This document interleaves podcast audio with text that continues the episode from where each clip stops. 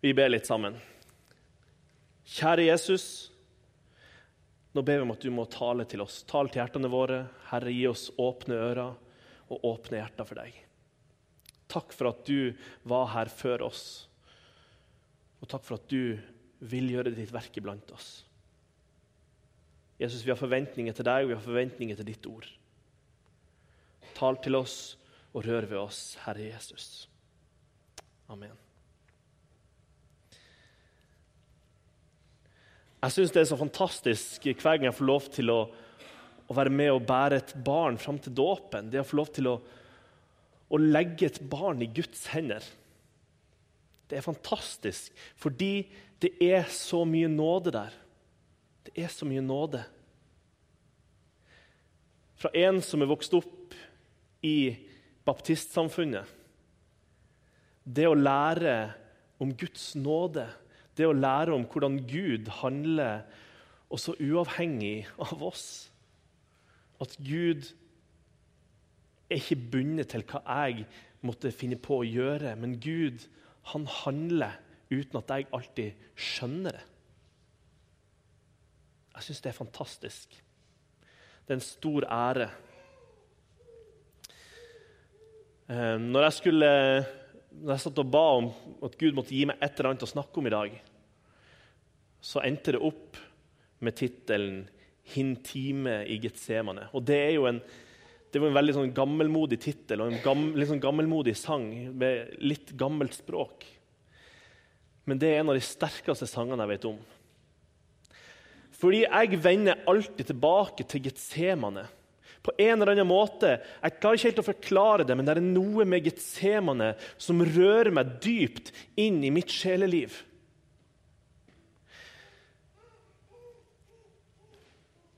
Jeg tror det er fordi det var der Jesus kjempa for meg. Jesus kjempa kampen i Getsemane, og han ble fylt av angst. Hans sjel, hans sjel var tynga til døden. Jesus lå i Getsemanehagen og var så fylt av angst at han var helt på bristepunktet. Og han ser for seg veien til Golgata. Han vet hva som skal skje med han. Han har til og med fortalt disiplene om ting som skal skje. Og Han ser det for seg i sitt indre, der han ligger på kne og ber til Gud. Så sier han, La denne timen gå meg forbi, om det er mulig.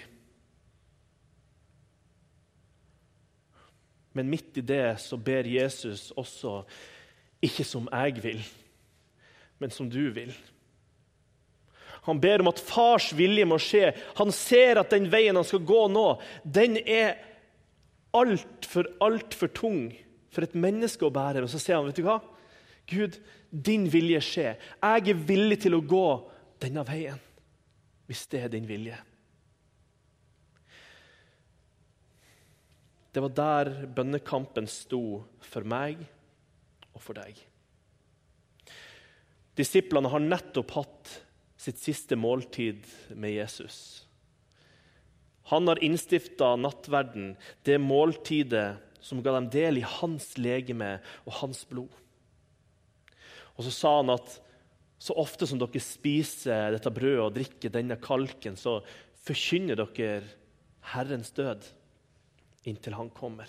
Det skal vi få lov til å gjøre i dag. Det syns jeg er fantastisk. Få lov til å være med og dele nattverdsmåltid i lag.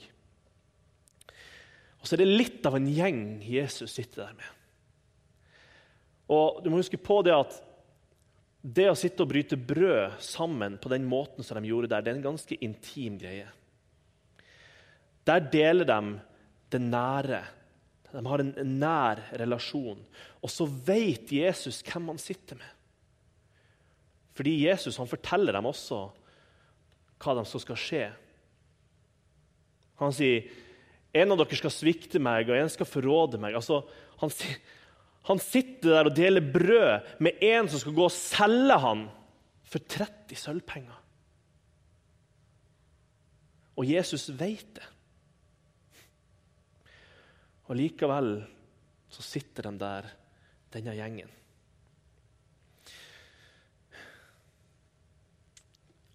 Jeg tror ikke disiplene skjønte omfanget av det som var i ferd med å skje. Kan se for meg hvordan Judas sitter ute helt ytterst på kanten og bare tenker vet du hva? Nå skal jeg gå og forråde Jesus.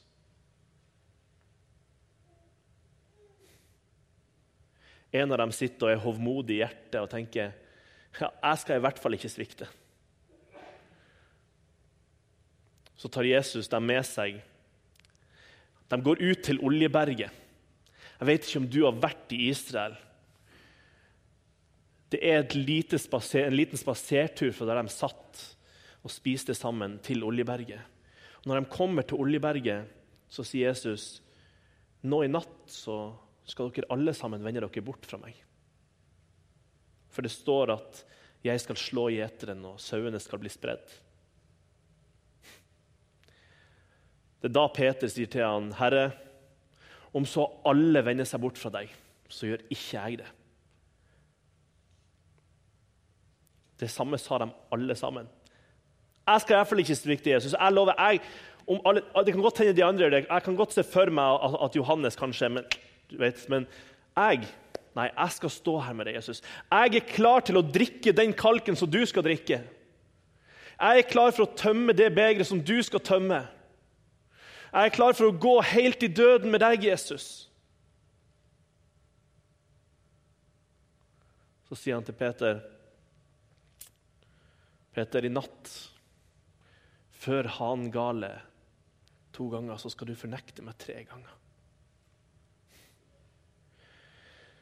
Men Peter han forsikrer og sier nei, nei. Ikke meg. Ikke meg. Og så går de ned til Getsemanehagen. Det er ikke en lang spasertur fra Oljeberget til Getsemanehagen. Det tar et par minutter. Så kommer de inn i hagen der. Så sier Jesus til disiplene sine, 'Bli her mens jeg går og ber.' Så setter disiplene seg der, og så tar han med seg de tre nærmeste. Peter, Jakob og Johannes. Og så går han fram litt vekk fra de andre, og så gir han disse tre et ekstra påbud. Så sier han, 'Bli her og våk'. Bli her og våk. Disse tre Jesu nærmeste som hadde fått hørt alt som skulle skje, så sier han, 'Min sjel er tynga til døden av sorg'. Bli her og våk.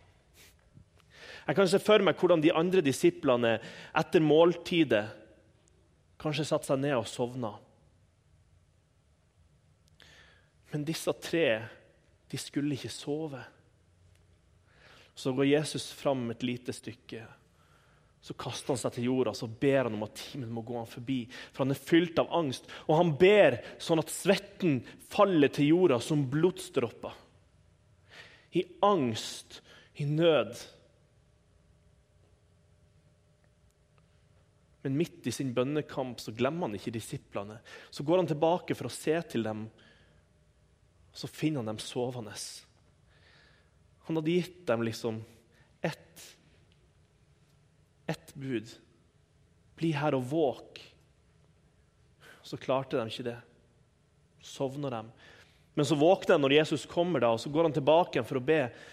Og så går han tilbake andre gang, og så finner dem sovende igjen. Og så tenker jeg Når din beste venn ligger og svetter blod i angst, så sover du ikke. Når din frelser er på vei til å gå til Golgata for å dø for deg, vet du, så sover du ikke. Men det gjorde de. Det som er litt spesielt med denne historien, er også det at de tre som Jesus tar med seg, det var de tre som gikk hardest ut. Peter som sa, 'Jeg er klar, Jesus. Jeg skal følge deg uansett.' Jakob og Johannes òg. Det er ikke så mange som Det blir ikke ofte nevnt i denne sammenhengen her. Men Jesus sier at Er dere klare til å drikke den kalk som jeg skal drikke? For mor, mor deres kommer med dem til Jesus og sier, sier jo liksom du, disse her, de, må, de, må, få lov til å sitte sammen med deg, en på din høyre og en på din venstre side. Så sier han er de klare til å drikke den kalk som jeg skal drikke? Og de bare ja, ja, ja. ja. Klart vi er. Klart vi skal drikke den kalken som du drikker. Men man må unnskylde dem fordi de skjønte ikke omfanget av den kalken som Jesus måtte drikke. Så er de der i Getsemane. Og de har svikta alle, de nærmeste. Men det verste av alt det er at Jesus han ligger der.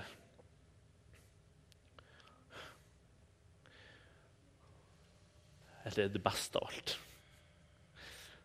Han tenkte på meg, og han tenkte på deg. Det var du som var i hans tanker i Getsemane.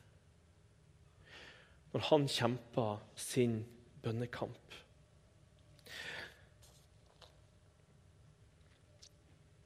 Tenk hvor kort tid det tok ifra de var på Oljeberget og Peter sa jeg skal ikke svikte, jeg skal ikke vende meg bort fra deg. Til de går ned der og de allerede begynner å svikte. Når Jesus sin lidelse virkelig starter. Tenk så kort tid det tok. I Betlehem Ung nå i høst så har vi en serie gående som heter 'Brev i Bibelen'. I går så begynte jeg med første del av Galaterbrevet. Der Paulus skriver et brev til de i Galatia. Fordi de har hatt noen på besøk som har fortalt dem at du er nødt til å bli omskjært, du er nødt til å bli en del av det jødiske samfunn før du kan ta imot Jesus. Det er ikke så lenge siden Paulus var der siste gang når han skriver dette brevet. Og Så skriver han uforstandige galater. undrer meg over hvor fort dere vender dere til et annet evangelium. Hvor fort dere går bort fra det dere har lært. Og så er det så lett for oss å tenke ja, de var uforstandige, de. Men så ser jeg det i mitt liv, hvor rask jeg er til å vende meg bort. Hvor rask jeg er til å svikte, hvor rask jeg er til å sovne. Og Hvis det er ei tid vi ikke må sovne i, mine kjære, gode venner, så er det nå. Vi må ikke sove. Vi må holde oss våkne, vi må holde oss nær til Jesus. Når Jesus sier 'du må våke fordi timen er nær', så betyr det at du må våke. Og når han kommer tilbake, finner han deg sovende da. Jeg ber om at Gud må finne meg våken og klar når det kreves av meg. Getsemane, eller Getshmane, som det heter på hebraisk. Det betyr oljepressen. Det var en stor, flott olivenhage. Der var det planta masse oliventrær. Gud ga allerede påbud i Mosebøkene at det skulle plantes oliventrær over hele landet. Fordi oliven, det var livsviktig for de som bodde i Israel. Det ga helse. De brukte det til medisinske ting. Det ga lys, og det ga liv. De lagde mat som kunne gi dem liv. Inni Getsemanhagen så var den største oljepressa i området. Olivenoljepresset. Og det er ikke uten grunn at Jesus, frelseren, går inn der i hagen på kvelden etter at oljepressen har stoppa, arbeiderne har gått hjem. Så er det ro, og det er fred i den hagen. Og så går han som er det store oliventreet. Og så må han gjennom oljepressa. Han må presses sånn at vi skal få helse og liv og lys. For han ble såret for våre overtredelser og Han ble knust for våre misgjerninger. Straffen lå på han for at vi skulle ha fred. Og ved hans sår har vi fått legedom.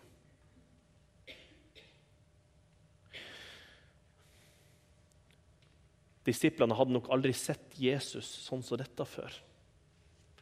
Han var herre over alle situasjoner. Sant? Han hadde stilla stormen, han hadde liksom helbreda syke. Uansett hva som kom, så var liksom Jesus han var liksom herre over situasjonen.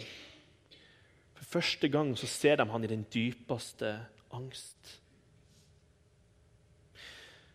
Han er så hardt pressa at det livgivende blodet pipler ut av panna hans og faller til jorda. Hva var det som gjorde at Jesus lå der og svetta blod? Var det det at han visste at han kom til å bli piska? Var det det at han visste han kom til å bli håna? Var det det at han visste at han kom til å bli gjennombora i hender og føtter? Var det det at han visste at han skulle få tredd ei tornekrone ned over hodet sitt så blodet skulle sile? Gud er ikke redd for sånt. Jesus er ikke redd for det. Selvfølgelig er det en smerte, men det er bare én dimensjon av det. Det som gjorde at Jesus lå der i sin ytterste angst og nød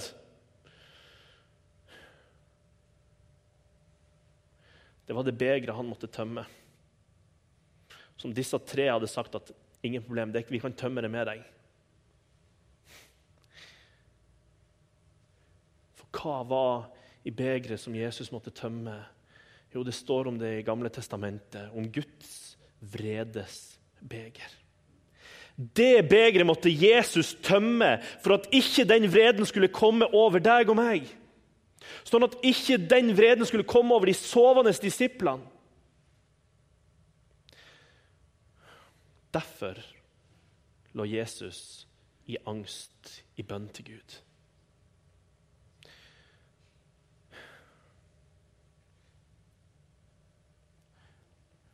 Så kan vi lese i salmene om hvordan Gud nå har gjort det begeret om til et frelsens beger. Fordi Jesus tømte det. Jesus tømte det.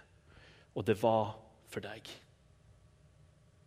Den dommen, den straffen som lå på oss alle, har Jesus tatt på seg.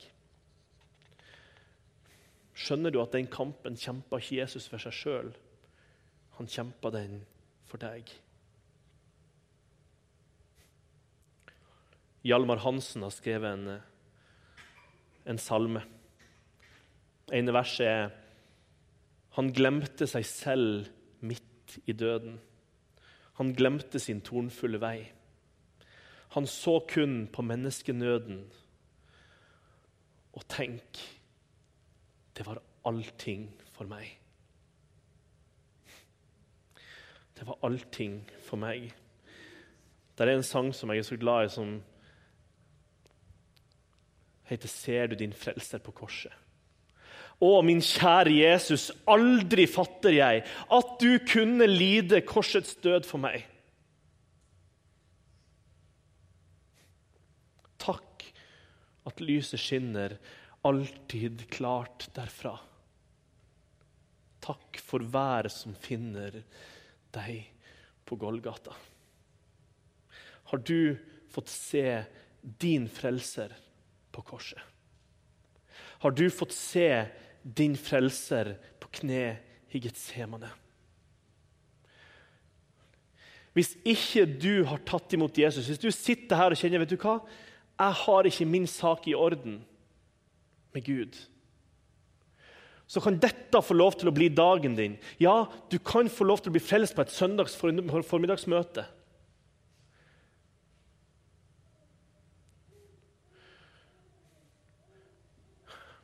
Vi har bedt mye. Vi i Betlehem Ung har bedt mye for dere i det siste. Det må dere vite. Og vi har bedt konkret om én ting. Og det er om at dere må bli tent i brann for Jesus. Og hva innebærer det? Det innebærer å finne tilbake til den kjærligheten som gjør at du har lyst til å fortelle det til andre.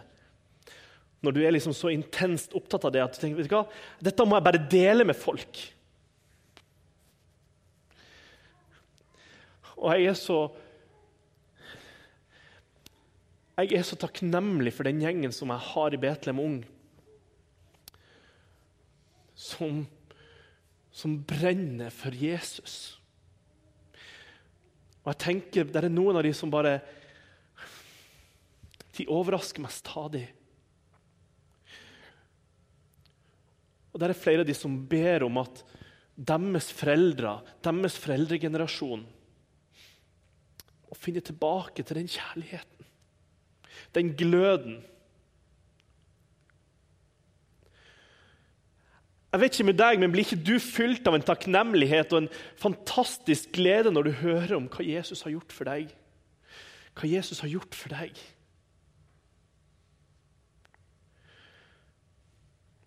Kjærligheten kan bli kald.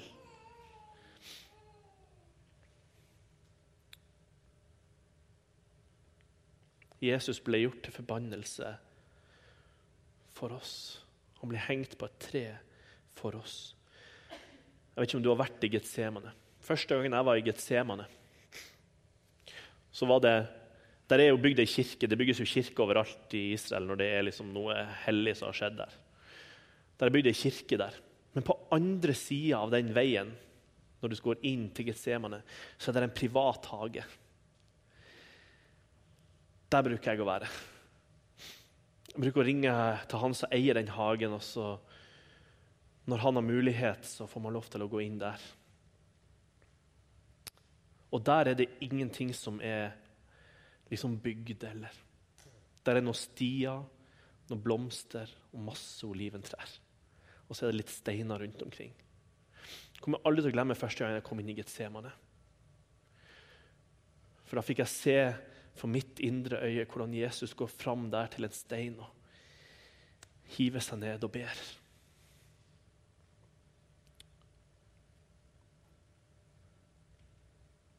mange jøder der som Jeg snakka med en som var veldig religiøs. Veldig religiøs jøde. Så sier han jeg går aldri den veien som dere går når jeg skal til byen fra Oljeberget, eller motsatt. Fordi at jeg takler ikke å gå forbi Getsemane. Så sier jeg, 'Hvorfor det?' Så sier han, 'Fordi der har det skjedd et eller annet'. Så sier jeg, 'Ja, det var der Jesus kjempa din kamp'. Tenk at det var for meg. Intime i Getsemane jeg aldri glemme kan. Da jeg i angst og blodig sved fikk se deg, Gud og mann. Jeg glemmer ei, jeg glemmer ei, jeg glemmer ei din ved. Da jeg deg så i angst på kne, i stiget semane. Da jeg blant hagens dunkle trær i ånden vandret om. Jeg så hvor tungt Guds vredes dom på deg, min Jesus, lå. Forlatt du òg av dine ble, ja, av din Fader med. Og aldri jeg utgrunne kan hva da ditt hjerte led. Jeg glemmer ei Jeg glemmer ei, jeg glemmer ei Da jeg deg så i angst på kne, hist i Getsemane.